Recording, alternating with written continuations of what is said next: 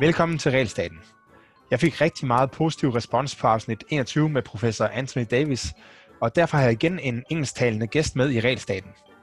Som I måske har bemærket, så har jeg spurgt flere af mine gæster, om de mener, at vi skal have et regelloft i Danmark, som sætter en øvre grænse for, hvor mange regler der må være. Men virker et regelloft, og kan det overhovedet implementeres? Det skal vi forsøge at få svar på i dag, hvor Laura Jones er med fra Canada på en Zoom-forbindelse. Welcome, Laura. Laura, uh, I have reached out to you because you your name always comes up when I Google British Columbia and deregulation. Uh, I've read a lot of your papers and uh, and thought it would be interesting to to talk to you and hear what your experience is with British Columbia and what you think we could learn from British Columbia and here in Denmark. Uh, but maybe you should start by introducing yourself to the Danes listening. Well, thank you so much for for having me on your your show. It's a pleasure to um, be here with your listeners. And um, yeah, my name is Laura Jones, and I, am actually someone who I, I, work right now for an organization that represents and advocates for small businesses. Um, before that, I worked for a think tank uh, in Canada, and I've also done some teaching of economics. So I've had a bit of a varied uh, career. But one thing that's been constant throughout my um, my career is an interest in regulation, because right from a very early time, when I was first uh, just a junior policy analyst it struck me as incredible that when you look at taxation, there's all kinds of data that we have to understand. Um, and taxes, of course, affect all of us in a major way. So it's important that we have good information and we can have robust debates about, you know, what the appropriate tax levels might be and whether our tax dollars are being spent appropriately. And of course, we have a lot of data to, to have those debates. And then we look at this other instrument that government has that affects our lives in a very big way for good and uh, but also um, in some cases for not so good outcomes. And i'm talking of course about regulation. And we have very little information with which to evaluate. And so this sort of became a, a real interest of mine in particular you know the, the lack of good data and how do we change that and and what models might be out there um, and so I live in, in the province of British Columbia in Canada. And uh, so um, we had been advocating uh, that governments start measuring and do something about this. And, and British Columbia became one of the first governments in North America to put in place a model that I think works. There are lots of governments that talk about reducing red tape or they talk about uh, changing regulations but um, very few actually deliver on that promise in a way where you can look at it and say, yeah, you know what, I think that did some good. Um, so that's a little bit about a very short introduction to to my what I do, but also my interest in in, in regulatory reform. Yeah, and I, just to follow up on that, I think your your interest in uh, all the data we have on how taxes work in the society compared to how little we know about how regulation work in the uh, society is uh, very interesting because a lot of regulation is basically just a very high tax uh, on some actions.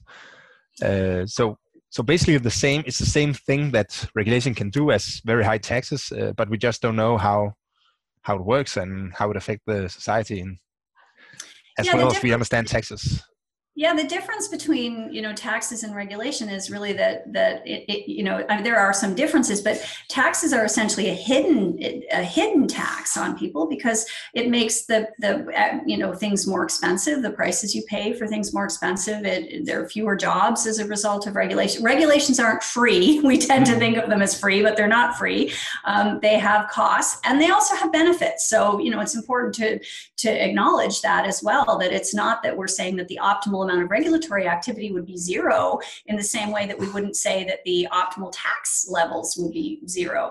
But what it, it, but it's still important to acknowledge that that that there are costs there and the optimal level of regulatory activity isn't that every second of every day is spent on regulation either. So how do we find that balance? How do we find that that sweet spot um, well, and how do we do it if we don't have good information with which to have the kind of debates again that we have on the tax side, where we say, "Hey, I, I'm not sure we got good value for the tax money we spent on, you know, on on whatever um, program, and then we can have those debates. And what that delivers is accountability, um, transparency, and accountability. And I think whether you believe in more regulation or less regulation, most people agree that accountability and transparency are good things for governments to have. True, true. So let let's uh, turn back to uh, to British Columbia, uh, the case British Columbia, because uh, they did something extraordinary uh, compared to a lot of other countries in the in the world. Uh, but because they have have they introduced this one in one out that people some people know that if you have want to introduce one rule, you have to get rid of one or at least one rule. but we can come back to what they actually did. but bef- and as, as far as I remember, it was in 2001 they implemented this new uh, system, right? Um, but can you maybe talk a little about what British Columbia looked like in the years up to 2001 before we look at the yeah, I think the context, it's a great question because the context is really important for any kind of government reform. Um, doesn't happen just, you know, it doesn't fall from the sky. It happens in a, in a certain context. And the context here in British Columbia was the economy had not been performing very well for, for about a decade. So the 1990s in British Columbia to this day are still often referred to as the dismal decade. Um, so we had lower, we were one of the, the worst performing provinces in terms of um, you know economic growth um, was lagging and and there we were widely perceived to have a kind of a, a not a very good investment climate um, it was we were seen as a high tax jurisdiction and also a very high regulatory regulated jurisdiction. And in fact the head of the, the, the bc government after he was no longer in political office actually was quoted in in our in our um, in our provincial newspaper as saying look we were a kind of an old fashioned activist government and we had no more money to spend so we turned to regulation. I mean, he acknowledged what, what had gone on. And so things were so bad, just to give your listeners some indication. Um, you know, restaurants, um, uh, you know, restaurants could could serve beer with certain food, but not with other food. Um, you know, there were just all kinds of uh, the size of a dance floor um, was prescribed. The size of televisions in restaurants um, was was prescribed uh, golf courses were told how many par four holes they had to have. Um, you know, so things had gotten very prescriptive. And of course, for some of our bigger industries like forestry, um, for example, the Forest Practices Code in Alberta, sort of a, a, small booklet. In British Columbia, it was the size of a small building. And so, you know, it was really the economy was seen as, as, as, as underperforming and largely it was acknowledged because of high taxes and high regulation. So, so you talked a little about uh, that. He's he said that that they ran out of money, so they started using regulation. Can you can you elaborate a little on that? Well, I mean, you know, it was a government at the time. I think that um, you know wanted to achieve certain outcomes. And and but there was a lot of deficit spending. There was concerns about the size of the deficit. And so um, you know spending is one way to for governments to achieve their the goals but but regulating and, and imposing new rules is another way to do it. And so essentially he was acknowledging that we were out of money. It was a remarkable statement actually. I remember reading it and saying i have to i have it was old fashioned i read it the old fashioned way not online. So i was like i need to cut that out and clip it. Remember this was you know this was uh, almost 20 years ago now. But um, but that i had to save that because it was such a remarkable acknowledgement of of of, of what had been going on in the province. Um, but they basically turned their attention to regulating. And you know there's a temptation with regulation to think if we've got a problem let's throw some more rules at that problem and that's going to fix the problem. And unfortunately, it's just not that simple because often the rules um, uh, don't do what you want them to do. And especially when you already have a lot of rules in the system, it can make things, it actually can undermine the very outcomes that you want to achieve. I'll use the Forest Practices Code again as an example. In British Columbia, um, you know, the code that tells forest companies what they have to do. I mean, had gotten so prescriptive, they were telling forest companies what size nails they had to use when they were building bridges over streams. Um, and so ask yourself does that really improve the health, safety, environmental outcomes that we that we're looking for? And it looks like the answer was no, because once that forest practices code was streamlined, um, I remember the minister talking about how the 10 years after the forest practices code, you had fewer deaths in the forest industry in the 10 years after it was it was reduced compared to the 10 years before when you had this giant um, book of rules. And I, I, use one example, if you'll indulge me, it's a simple one. But you know, when we send our kids to school, we don't send them with a giant binder full of rules. We say, you know, look both ways before you cross the street, uh, right? And and we say, you know, don't talk to strangers.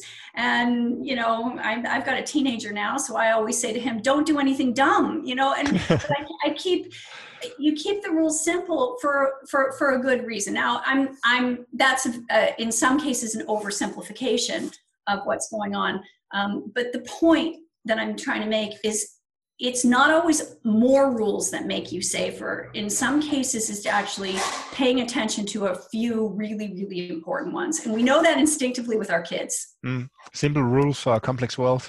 Yeah. I, I, th- I, thought the, one of my work thesis is that uh, that the reasons that uh, regulation may, might get out of control is because if a if the government wants to fix a problem, uh, they usually will, will, throw some money at it. Uh, but if they want to throw money at a problem, they also they have to finance it somehow. So either have to increase taxes or uh, or cut down on other expenses. Uh, but it's not the same with uh, with regulation because there's no limit to how many rules you can uh, make from the when you're politician. So. It's so, so that's ba- that's basically what you your your story tells me that uh, that's actually how yeah. they think. well, it's a good point, and it's what, in some ways, makes regulation a, a pro- very problematic policy area because there's no budget constraint. Um, in the same way there is with taxes and spending. I mean, we might not be happy with how much a government is spending, but at some point, um, you know, there's a there there there there's some limits. I mean, they know politically that taking more and more of someone's paycheck at some point becomes unpopular. and so um, there are some limits, there are constraints, and I think that's a healthy thing. But when it comes to regulating, the problem that a lot of um, countries were facing, especially um, Western countries, is that we want, as our incomes go up, we want more health, safety, and environmental protection. And that's all a good thing. But sometimes that demand gets expressed in more and more rules. Um, and you know, with no constraint on that, we're not very creative about it. We add costs, but we add costs into the system, but they're not all that visible. So it's hard for citizens to make that connection. Interestingly, in British Columbia, things had gotten so bad, we were kind of hitting the wall with these, you know, rules I described that restaurants were being told what size television sets to have it had gotten so bad that even even the general public was kind of feeling like hold on a minute, I think this is undermining my standard of living. And that's the context in which the reforms were able to um, move forward. Okay, so, so it was so bad that the voters understood that. Uh, that, the voters that this is probably re- the reason. The reason my burger is really expensive is because the TV screens and dance floor is regulated. Yeah, or the reason unemployment that my my son might not be able to find a job is that you know the investment you know, there's something not right here. We're not, as we look at other provinces, um, other parts of the country, that we're doing better. And and I, I think people were scratching their head, at least to the point that enough people understood it that during the 2001 election, which was a big change for British Columbia because we had a, a change in, in, in government then, the, the party that would eventually become government made a rather remarkable election commitment. So they said, if you elect us, we will cut your taxes. Okay that's not so surprising but we will you know balance the budget again not so surprising. But the big surprising one was if you elect us we will cut regulation. They weren't even talking about red tape. They were saying we're just going to cut regulation by one third and in three years. And I, you know when i heard this of course as someone who had been um, advocating that governments measure, I was so excited. Not by the one third. Everyone else was kind of like one third. Ooh, that's a that's a good amount. That's you know something to get excited about. I was like, uh, uh-uh. uh. They've just done something. They don't even know what they've done. one third means they are going to have to measure it. And, you know, sure enough, first thing after, or not that long after the election, the new, they appointed a new minister who was responsible for this. And he, uh, you know, there aren't that many people who get really excited about regulations. So he found me pretty quickly. And he said, you know, Laura, he said, one third of what? in other words how the heck are we going to measure this you know like and because i think he had assumed or the government had assumed or the politicians before they got elected had assumed that oh of course there would be ways to measure this. And you know mm. so they came up with a target that seemed reasonable to them and put it out there. But one of their first big challenges was how do you measure it? And that of course is a very very important part of regulatory reform. And it's an important thing to get right. But before we get to that, uh, because I think that's uh, an important question, uh, part of the next question I have. But before we get to that, uh, can, I mean, what is your sense of how the voters got uh, aware of the problems with regulation? Was it uh, was it because of NGOs, or was it just a common understanding that you ran into regulation all the time, or, or how did it how how did you they come to that acknowledgement?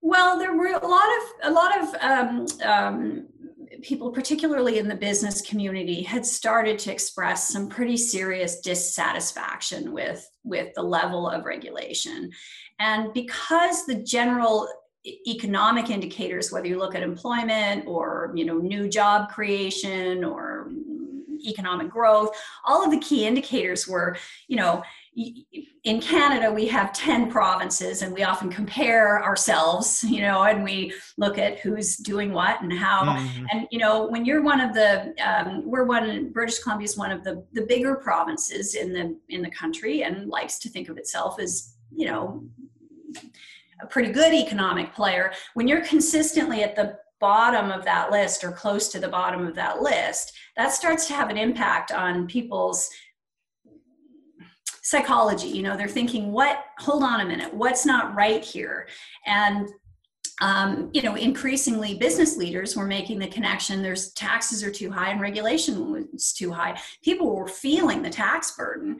And then there were these ridiculous stories about regulation that started coming up, um, you know, where people are going, hold on a minute, do we really need to say that with onion rings you can order a beer, but with French fries you can't? And I'm probably getting that the opposite way around, but it was something, you know, it, the rules were that bad that it was, it was, it, they were kind of almost you could make fun of them um, and you know sometimes things have to get really bad before they get better.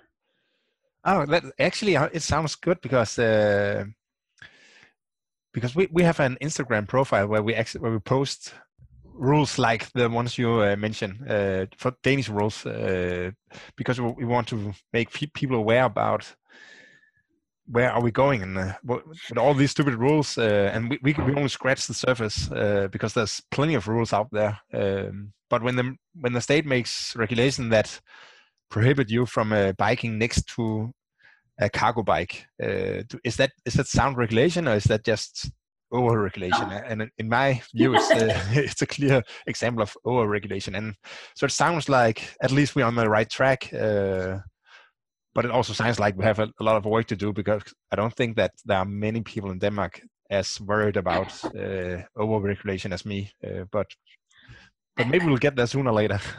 I, well, I think you're absolutely on the right track because I think one of the important things, not every jurisdiction is as bad as British Columbia was, but I think it's really important. I think people worry about reducing regulation because they worry about reducing the good regulations. So, you know, if we really simplify this and we say there are good rules and there are bad rules, right? Mm-hmm. There's, and I call it kind of justified regulation and red tape, like, because people understand the kind of common language term red tape, which is, you know, the stuff that really is ridiculous.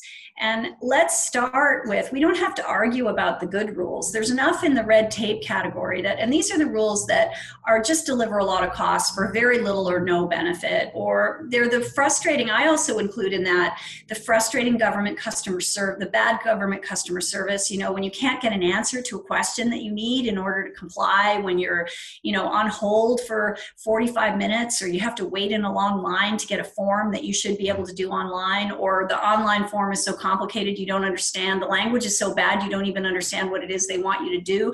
All of that is a giant waste of time and money and it gives you nothing in terms of environmental or health or safety benefit. And if we were to reduce that what you're what you're doing is you're giving people back the most valuable resource time mm. right? And then what they choose to do with that time they might invest in their business they might spend a little more time with their family um, you know they'd probably be a lot less stressed out. And that's not just for you know small business owners or others who are kind of more directly engaged in in dealing with the regulatory burden citizens too have to deal with you know a, a fair amount of it whether it's tax forms that are overly complicated so you have to pay someone else to do it because it's too complicated to do it. I mean all of these things um, affect us. Sure sure. So so you said the new uh, government in 2001 they wanted to cut regulation by one third uh, and you already said that so first of all you need to measure it. So can can you, can you talk a little about what what you did uh, and what the problems were yeah so so you know I, as you said i was so excited this one third in three years because it's like okay they have to measure it now and they don't even know what they've done. And then the minister came and talked to me and said well one third of what what are we going to measure? And i honestly didn't have a great answer for him. I, I said look at the at the time the state of the art was you could count regulations. I said that's problematic because each regulation can have literally thousands of requirements associated mm. with it. So, you know, and it's not going to sound like a very big number when you just look at the total number of regulations. Um, but it's all the things you have to do underneath each regulation that are problematic. So I said, you know, that's not that great. And then I said some some um, some researchers were counting pages of regulation, but again, that's not you know you just from a gut feeling you say mm, I, I, don't know that's not such a great um, measure. Cost is would be your ideal and the academic community would say well of course you want to look at the cost. And of course you do but um, unfortunately that sounds good in theory really quite difficult actually in practice to get a good estimate of the cost. So all that to say the minister um, uh, went away and did actually they did a fantastic job of coming up with something simple um, easy to understand. They came back with regulatory requirement. So that's any kind of um, requirement to anything you might have to do, any shall or must, anytime you have to put your name on a piece of paper or you have to have a meeting or you have to do something to comply with government rules. And they said, let's not just look at what's in the regulation, let's also look at what's in the law itself, which is a source of rules, but also in the guidance and the policies and the forms, which you know are tend to be much bigger actually category than the regulations. So they looked at everything and they counted regulatory requirements and their initial count was um, you know was about well they had to do some adjustments afterwards but it was about 330000 regulatory requirements that they found. And they said we're, we're going to reduce one third of that in three years. And then they started reporting out by ministry every quarter what your ministry had and where it was at. And there was a lot of pressure apparently among those politicians to say hey in your area you're not you know you're not on track for that one third so, so does that mean that they they didn't just count that? So, if the law said that uh, the companies in this sector has to uh, supply information about uh, their uh, stores or whatever it was, uh, then they would also count the number of information they had to. So, if they have to give information about a number of employees and number of cars, and then that would count as different. That would count as four. Yeah. Yeah. Okay. Okay. So what that's really is, yeah, it was, it's a pretty good measure. And actually, interestingly enough, separate from that, um, there's a, a, a group I've also work uh, closely with in the U.S., the Mercatus Center, and separate in, and independent from from from that, the Mercatus Center actually developed its own measure where at, and at, they use a kind of a text um, based analysis where they can do it with computers rather than in British Columbia they did it you know they went through and literally counted the paper the paper um, stuff. Um, and they came up with a very similar approach which was interesting because it was completely independent. But i think what's important in your measure is it has to be simple enough that people can understand it Um, and and the, the, second thing is um, that it needs to be very comprehensive. So a lot of governments have said they're measuring, but they're measuring a very small piece of whatever it is. I, I look at you know um, Canada's neighbors to the south. Um, in the U.S., Trump put forward some regulatory reform, and you know I I, I want to call it fake news actually because it actually it covers like you know one less than one percent of the of the rules in the U.S. It sounds really good, mm. um, but the actual measure, when you look at what they're measuring, it's very very narrow, and a lot of regulatory reform has that problem. Um, so it's a pitfall, something to be wary of as a policymaker if you're designing um, or recommending to government reforms. Make sure that the measure is is broad. Yeah, because that was actually my uh, my follow up question. If there was if there were any loopholes because my first thought is that if you say that you can only have and you have to cut down on regulations in the in the what is called the federal code federal code uh, then you'll just make the uh, write the requirements in in the forms or whatever it is. But but yeah. you actually covered that. But do you think there was did you close all the loopholes or have you seen any uh, unintended consequences or whatever you call it well, I have to tell you, it's so fun to talk to someone who cares as much about this because you're asking great questions. Yeah, they British Columbia, I would say, did a better job than most governments at at being comprehensive. So they included all the rules you might find in the legislation itself, so in the law itself, um, in the regulation that supports the law, and also in the guidance and the forms. But were there loopholes? Absolutely. So um, th- what they didn't include is you know sometimes you have these arm's length government agencies agencies that are are basically given the authority to regulate. So here mm. there's a recycling authority that has the, the the the authority to come up with the rules governing the recycling um, in the province. And their their rules aren't included in the count. So that's something we've been pushing for. There i would say it's pretty much it's it's not they they did a pretty good job. I'd give them sort of a B plus on this, but did yeah. they go all the way? No. However, um, interestingly, um, in Canada, the British Columbia model has has led to a number of other provinces to look at what they did. And so there's another province, Manitoba, that has done a very comprehensive count, and they would be one to look at for anyone interested in regulatory measurement. Where, where did um, you say it was? Ontario. Manitoba. Man- Manitoba is that a? Manitoba yeah, no, Manitoba is sort of the one to watch. Uh, it's more recent. British Columbia's reforms are remarkable for their longevity. They've been in place 19 years. So they're the one where you can say, look, here's a story we can tell. Uh, Manitoba's are more like, uh, we want to say three or four years old. But in their count, they counted close to a million regulatory requirements and they didn't leave anything out they counted absolutely everything so um, you know again this is in its infancy how do you measure regulation but but manitoba was an interesting one so manitoba is that a territory in uh, canada it's a province it's another it's western province. Province okay in Canada. So smaller than British Columbia, but they're they're doing a they're doing some very interesting things. So they're they're one maybe maybe my next big paper will be on Manitoba. Du lytter til Realstaten.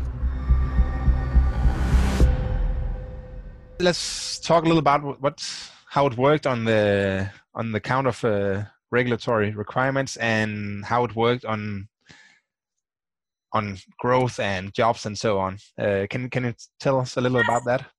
So they come, came up with their measure that was challenging and then of course they had to convince the, the um, civil servants that this was a good idea and the regulators that this was a good idea and that was a bit of a job. I, I don't think that everybody loved the policy on day one.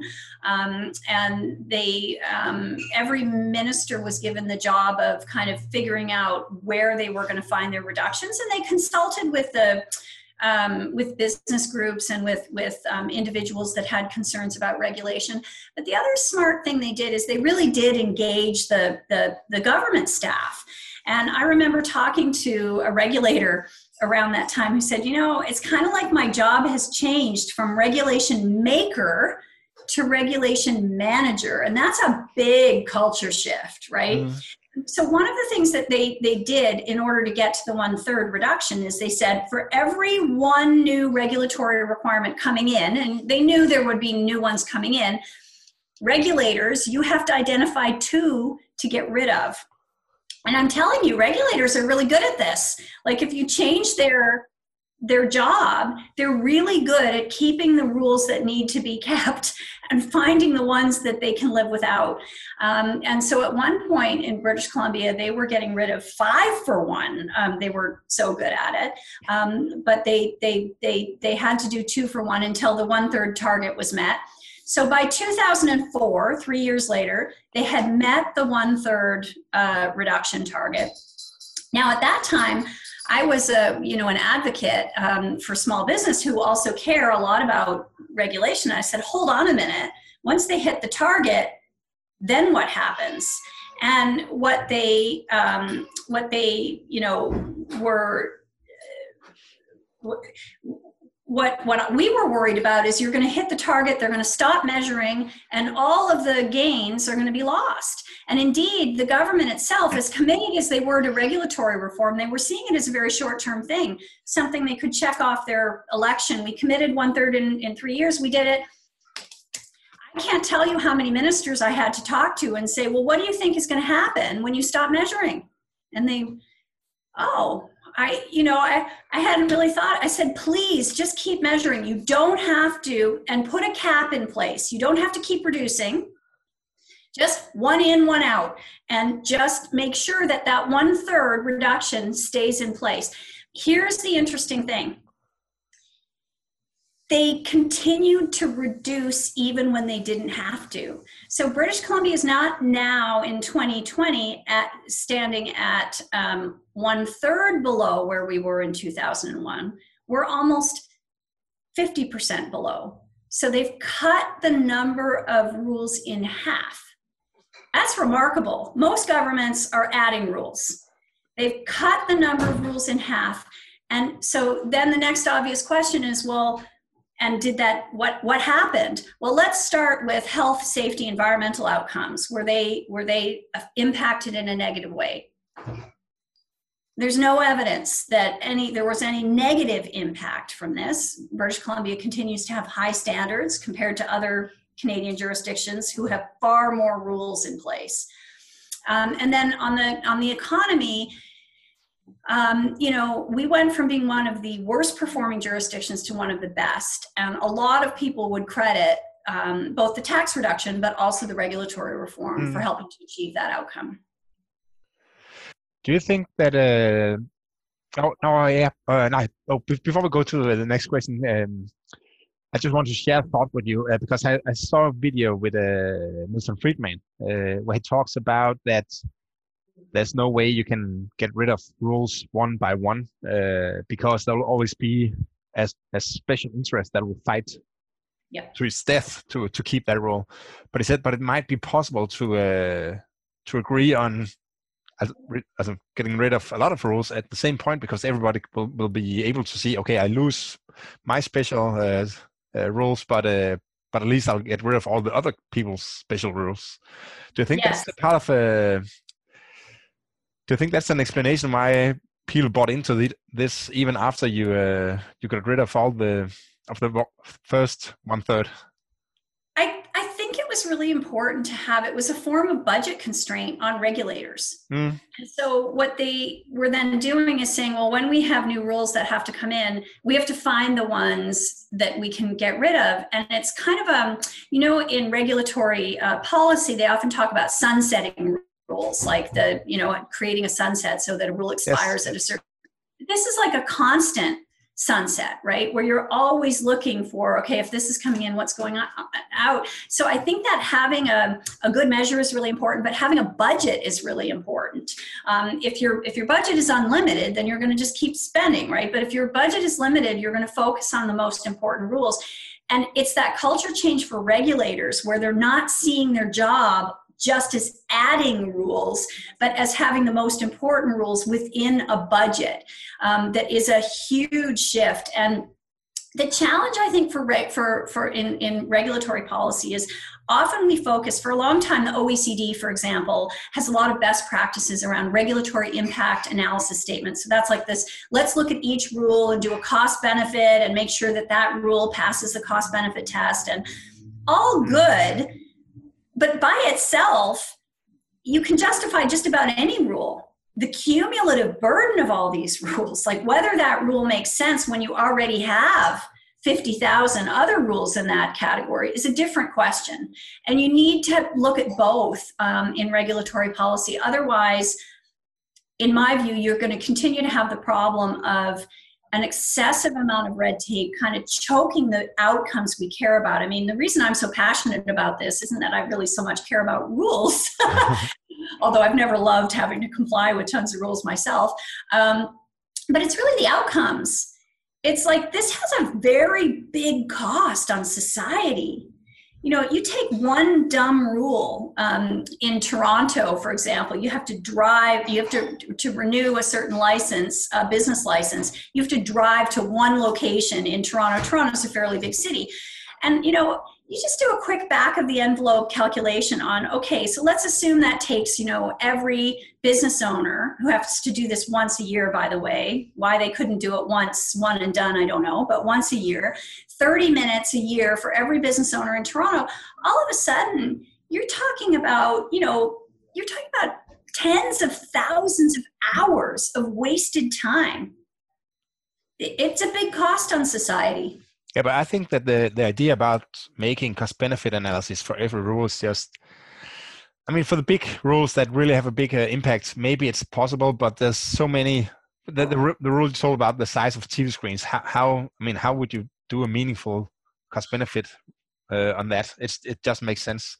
So it's I'm, another I, good point. It misses too much of the little things because you're right. Those cost benefit, they tend to say, okay, for rules that are the big ones, the ones that have a big price tag. Meanwhile, it's like you're looking after the the the, the big rocks, but it's the pebbles and sand are kind of you know accumulating in this huge way. Yeah, and also um, just you, you have to I mean, how, how would you do it in practice? Because you, how would you measure the benefit of a bigger screen in a in a bar? It's uh, it's it's not that easy. Uh, so I think that you, you're.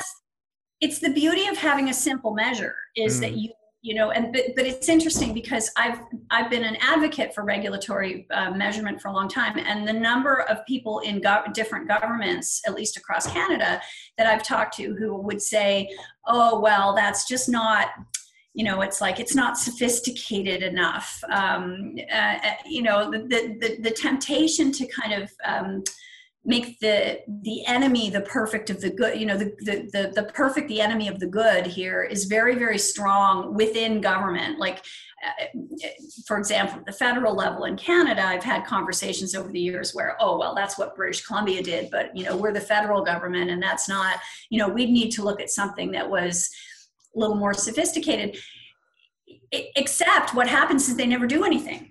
Because exactly. waiting to make the perfect the enemy of the good.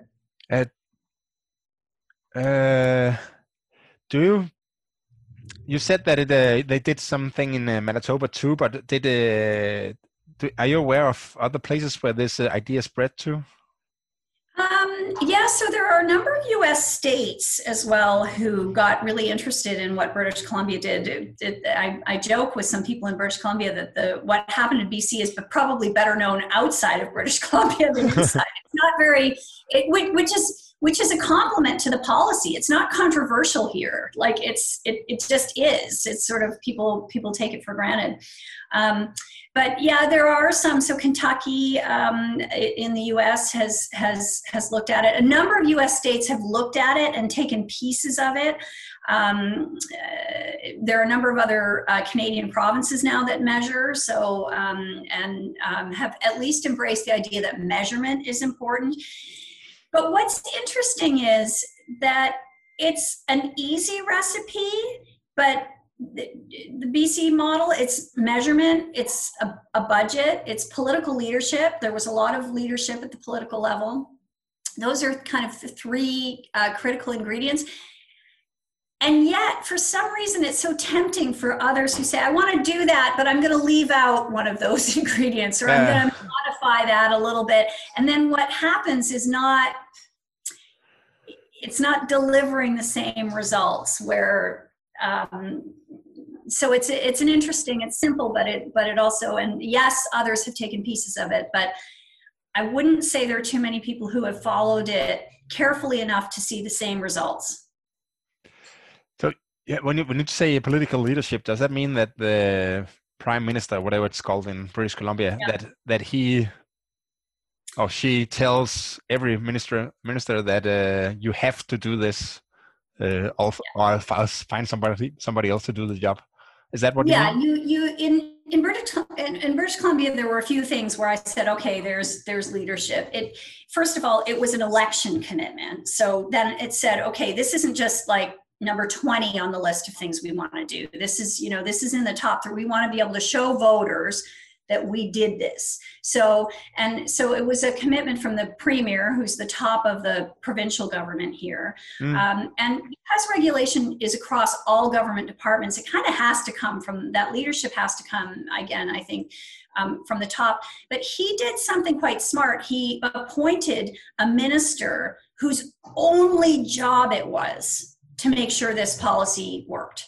And so he had a minister of deregulation. Now, I wouldn't advocate calling it deregulation, um, you know, because that scares people. But in the BC context at the time, that worked.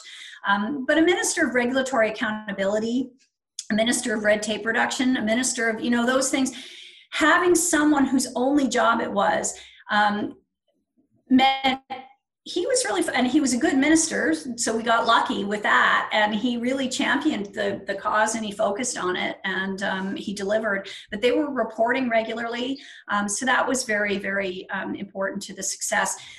You know there's one other thing that i would mention um, if you want to if you're interested in talking about it and that's the the importance of an outs, outside groups. And i know you were talking about putting on um, social media some of the ridiculous examples. And i do think actually that's really really important. And i, I can talk a little bit about that if you like because sure, sure. I, I, think that's a, another critical ingredient. Yeah, just, just uh, go go ahead. Yeah okay. So you know, I've thought a lot about because so many jurisdictions have tried to reform regulation and failed, you know, at least failed from the point of view of those on the ground saying, yeah, that actually made a difference. And I think the government did actually lighten the load of red tape. So I've thought a lot about what success looks like. And for a long time, I focused on what government needs to do. They need to measure, they need to have political leadership. Again, they need to have this kind of regulatory budget idea where there's a constraint on the regulators but I think there's another critical ingredient, and I think think tanks, I think um, uh, uh, small business groups like the one I, I'm a part of right now, business associations, there needs to be people on the outside of government really championing this and really holding governments accountable. So you know, why has the BC model survived 19 years? Why have other provinces in Canada started measuring? Why was Canada at the federal level the first government in the world to make one in, one out the law federally? The answer isn't they just felt like, oh, all of a sudden we're going to do this.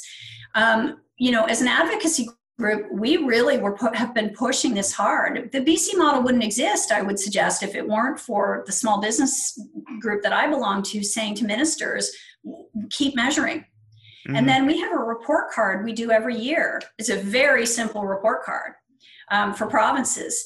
And it, it's are you measuring? and and what is your measure? Let's tell me what it is so be transparent about it right? Um, do you have a budget like a one in one out policy in place? Um, is there political leadership? And we give uh, grades across canada. And when i first started the report card um, there were no a's and now we have more A's than any other. We still have some F's on our report card, um, but just about every province is doing something. So it's that kind of accountability. We also do a, a Golden Scissors Award. So we give an award to the government that's done the best red tape cutting.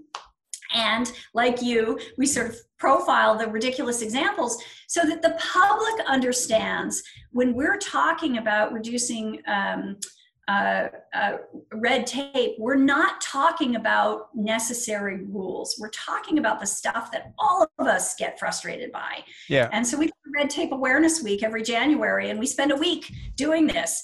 And I think that's been really important to keeping governments focused. A lot of ministers say, "Oh, when's Red Tape Awareness Week?" They want to make an announcement. What's their grade going to be? You know, they're they're worried about this stuff. So there needs to be some some some people on the outside holding governments accountable for what they're doing in this area. That's really really important.